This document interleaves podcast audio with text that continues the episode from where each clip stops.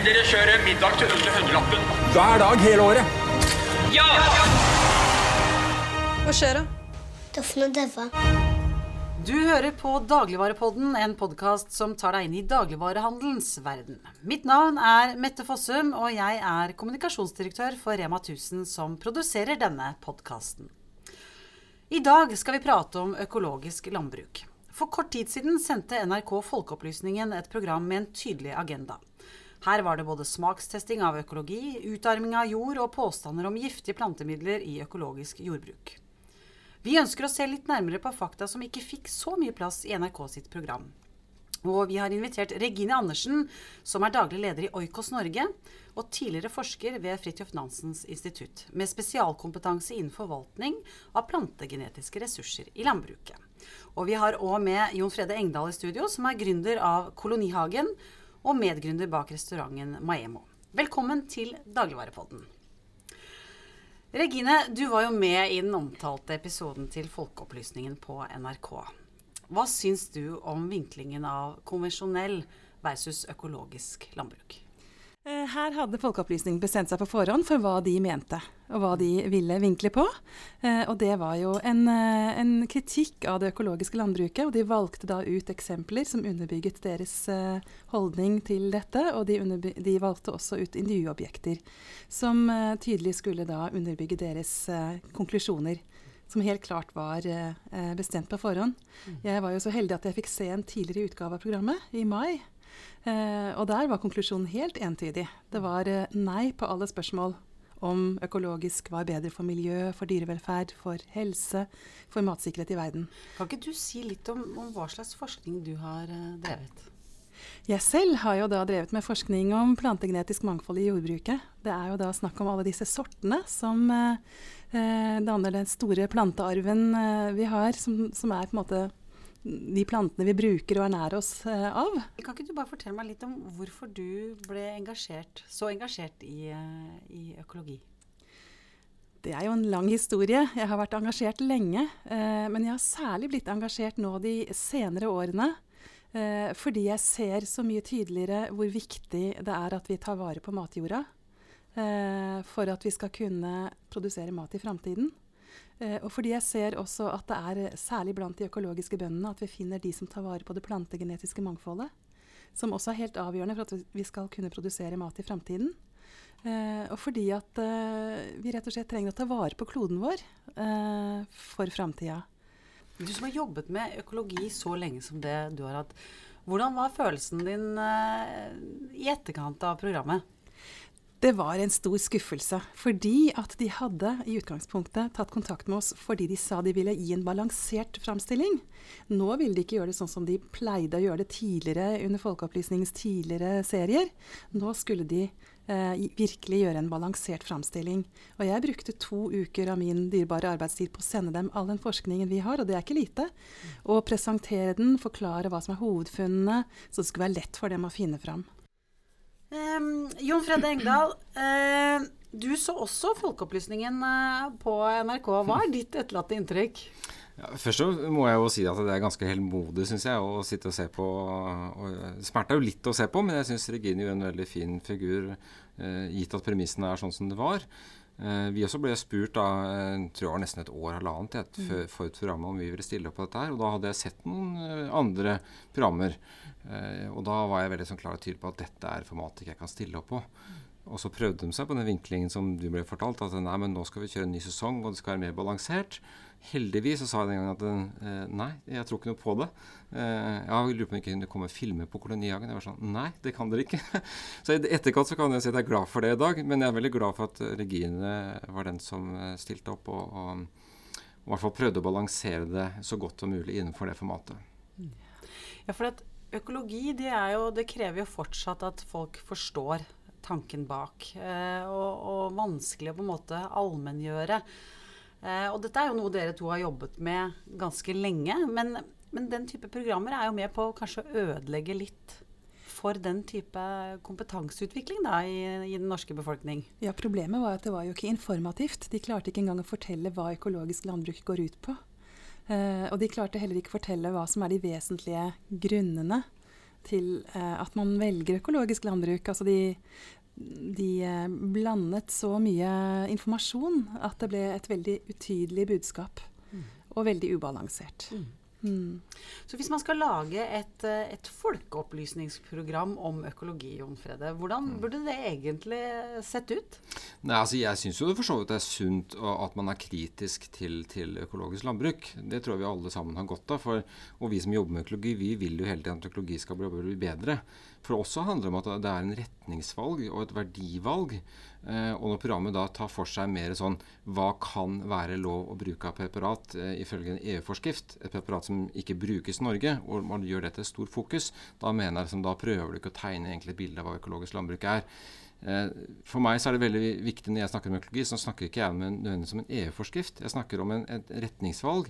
Eh, og de eh, leverandørene og bøndene som vi jobber med, det er jo ingen av de som produserer på et minste EU-krav.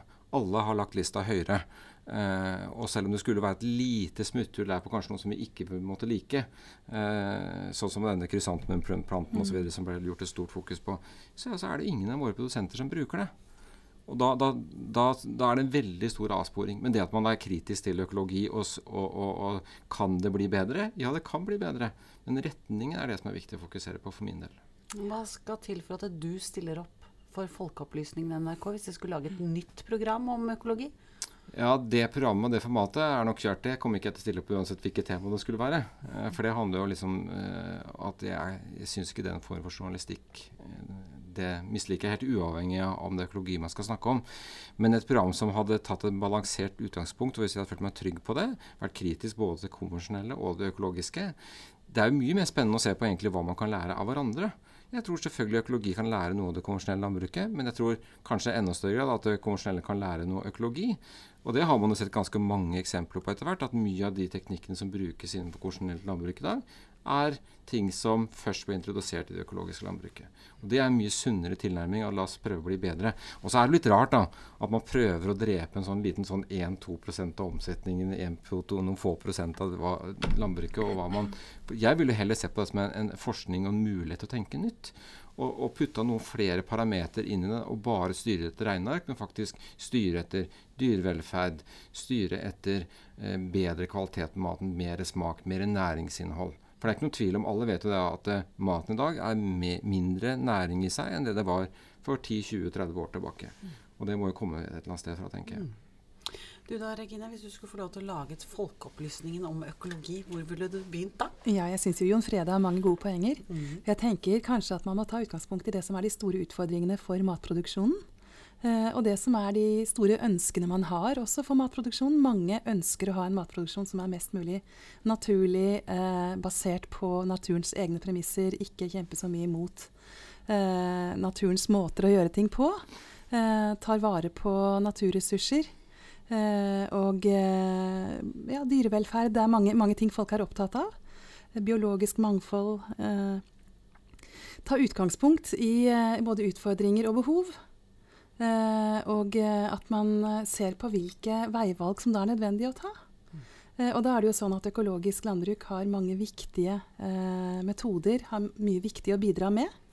Eh, og så ser man jo også en god bevegelse innenfor det konvensjonelle landbruket, mm. som er viktig å få med. og så er det slik at de to områdene de stimulerer hverandre. Kan i hvert fall stimulere hverandre. Vi ser eksempler på at de gjør det. jeg tror det er viktig at man på en måte har litt åpenhet, at det ikke blir tette skott. Uh, vi trenger uh, et landbruk i Norge, ikke bare økologisk, men et, vi trenger generelt uh, å ta vare på landbruket i Norge. Jeg tenker at hvis vi skal promotere økologisk landbruk og presentere hva det handler om, så handler det om å, å, vise hvordan man bygger på naturens egne premisser. Hvordan man i størst mulig grad prøver å bygge opp under naturens egne prosesser. Tar vare på det biologiske mangfoldet, tar vare på naturressursene. Eh, sørge for størst mulig dyrevelferd. Eh, og ta vare på næringsstoffer. Altså sørge for næringsrik, helsebringende mat. Mm. Regine, du har liksom stått i den, eh, denne debatten om økologi versus konvensjonelt landbruk i egentlig ganske mange år. Hvorfor er debatten så vanskelig i Norge? Det lurer jeg også veldig på. For det er jo ikke sånn at man har denne typen debatter, i hvert fall ikke i den utstrekning i andre land. Det, det fins en og annen forsker som av og til roper opp, men, men, her i Norge så har vi på en måte en gjeng eh, med altså enkelte forskere, da, og nå støttet opp av enkelte mediefolk, eh, tydeligvis, som har et sterkt engasjement for å rett og slett bekjempe økologisk. Sånn framstår det jo, eh, slik vi ser det. Mm. Eh, og man kan undre seg over hva det kommer av. Jeg har ikke noe godt svar på det. Hva tror du, da? det blir spekulasjoner. Men det har vel kanskje noe å gjøre med at eh, når man har trodd lenge på noe man mente var riktig, så er det vanskelig å gå bort ifra det. Jeg vet ikke. Dette handler, altså En del av de forskerne som er på banen, er jo av den eldre garde. Jeg vet ikke om det har noe med det å gjøre. Kan være andre ting. Hva tenker du, Jon Fredde?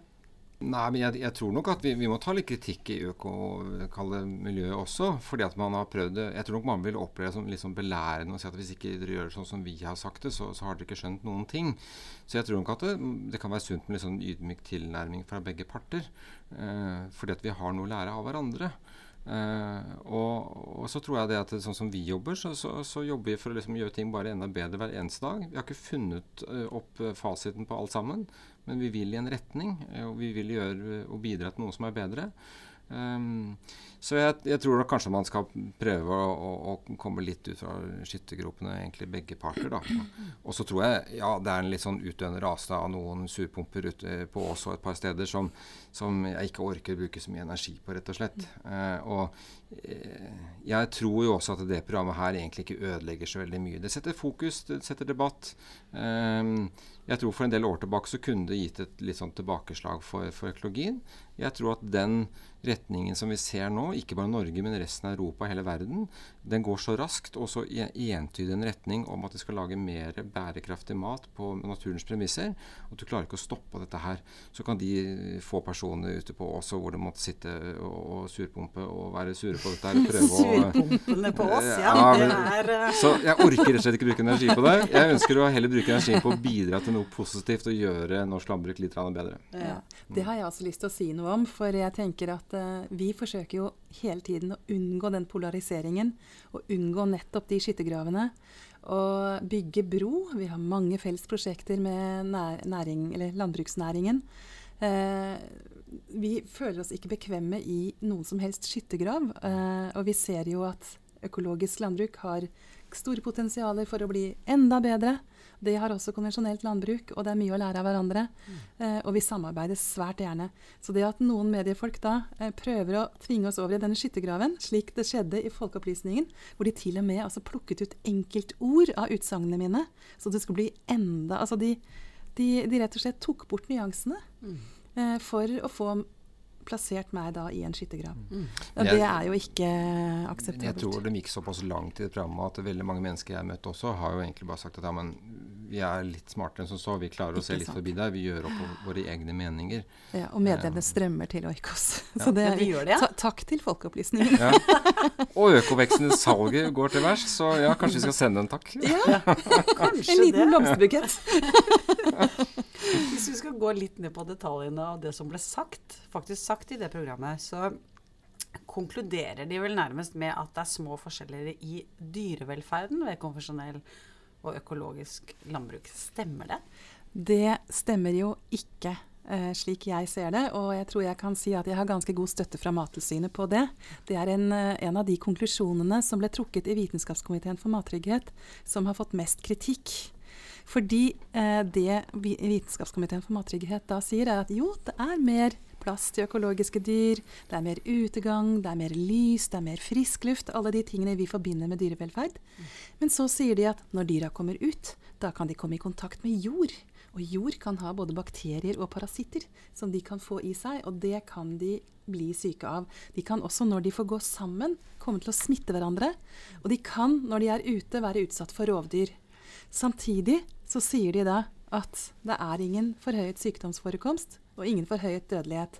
Så det de altså sier, er at pga. den risikoen, den potensielle risikoen for at man kan bli sykere av å gå sammen og være ute i naturen, så kommer de ut på det samme. Og derfor så er ikke økologisk dyrevelferd bedre enn konvensjonell Det er en type logikk og argumentasjon som er så fjern fra det vi oppfatter som dyrevelferd, at den faller på sitt eh, Ja.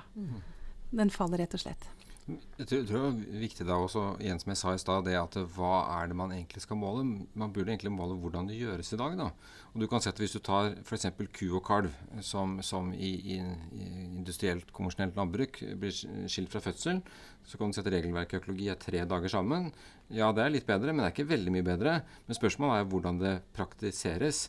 Og en av våre leverandører, Hans Arild Grøndalen på Grøndalen gård, la ku og kalv gå sammen i tre måneder.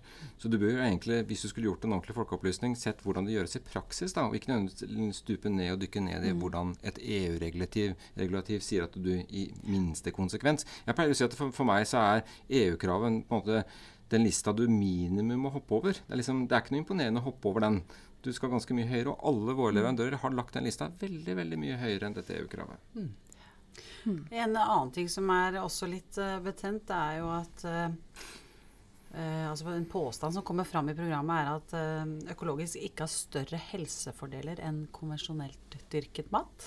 Ja, og da har jo forfattere av Vitenskapskomiteen for mattrygghets sin rapport på dette området gått ut nå nylig og sagt at den måten Folkeopplysningen tolket deres rapport på, er feil.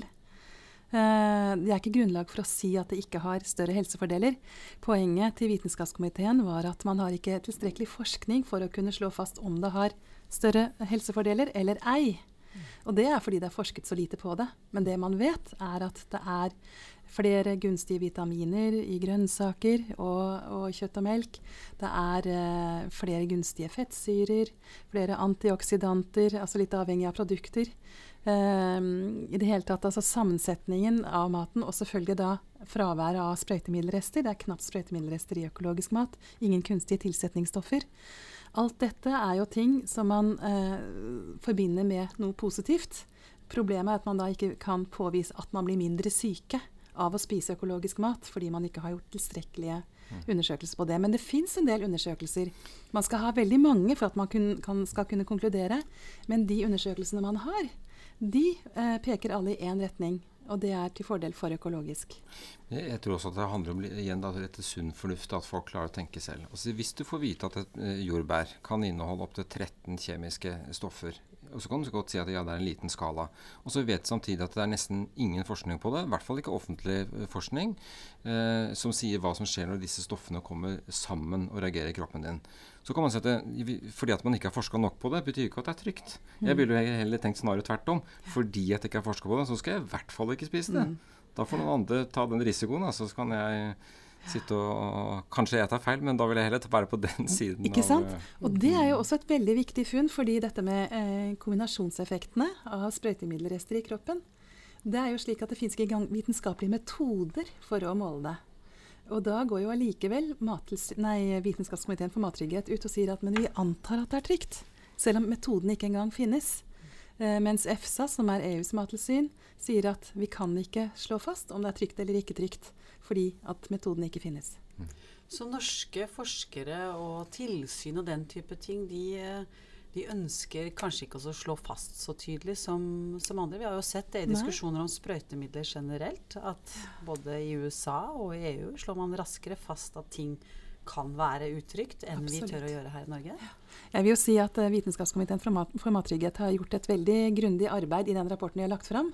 Så det vi peker på her som enkelte sider av den som da ikke er så eh, informativt, kan man si, eller ikke lagt fram Konklusjonene er på en måte ikke trukket på et så godt grunnlag, slik jeg ser det. Mm.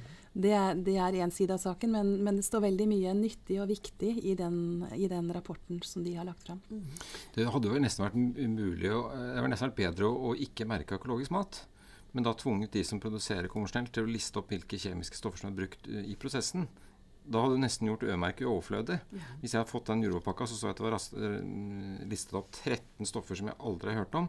Da tror jeg flere hadde valgt å legge den pakka til side versus den som da ikke hadde noen tilsetningsstoffer i seg. Ja. Kjemisk, gjøre sin egen mening. Mm. Kjemisk syntetiske stoffer ikke sant? og mm. kunstige tilsetningsstoffer. Ja. Få det listet opp. Du, nå har vi brukt eh, en god del tid på å radbrekke folkeopplysningen på NRK. Jeg har én ting til vi skal gå gjennom. Det er den smakstesten de hadde av vin, bl.a. på slutten av programmet. Um, kan ikke du si litt hva du syns om måten den smakstesten ble gjennomført på, Jon Frede? Ja, nei, jeg kan vel ikke akkurat si at det var så veldig imponerende. Eh, Nå kjenner vi personer som sto ganske tett ved siden av den testen, som så hvor mange de måtte spørre før de fikk det svaret de ville ha. Det er nå én ting. Og det er utgangspunktet å sette premissene og fortelle hva det er for noe før man skal smake. Da setter man, da er man halvveis programmert allerede. Skulle man gjort dette her ordentlig, så burde du i hvert fall hatt en uavhengig eh, test på dette her. Man burde gjort det helt blindt. Eh, og så tror jeg ikke du skal glemme heller det at hvis det skulle faktisk vært sånn at de hadde rett i, i, i antakelsen sin, da, at folk sier at den som er økologisk, den tror økologisk smaker bedre, ja vel, så har det også en betydning for smaken. da. Og for meg så er smak også noe som er subjektivt. Og, og det at det er noe som er, du vet er produsert rent og økologisk, faktisk også i tillegg kan gi deg en enda bedre smak, ja, fint det. Mm. Mm. Regine, hva tenker du om uh, den testen? Jeg syns jo det var uh, spesielt interessant fordi at jeg sto uh, like i nærheten da den testen ble gjennomført. Og det, de holdt jo på i timevis, og det var jo mange folk innom. Så man kan jo spørre seg hvordan de gjorde utvalget av akkurat de menneskene som da ble vist på TV. Som da alle hadde kommet fram til samme konklusjon. jeg syns jo dette er tvilsom vitenskap, altså. Da har i hvert fall vi gjort vårt for å få fram uh, ulike syn på dette, i hvert fall. Tusen takk til dere for at dere kom til Dagligvarepodden. Regine Andersen, daglig leder i Oikos Økologisk Norge. Og takk til deg, Jon Fred Engdahl, gründer av Kolonihagen. Du har hørt på Dagligvarepodden, produsert av Rema 1000 i Norge. Mitt navn er Mette Fossum.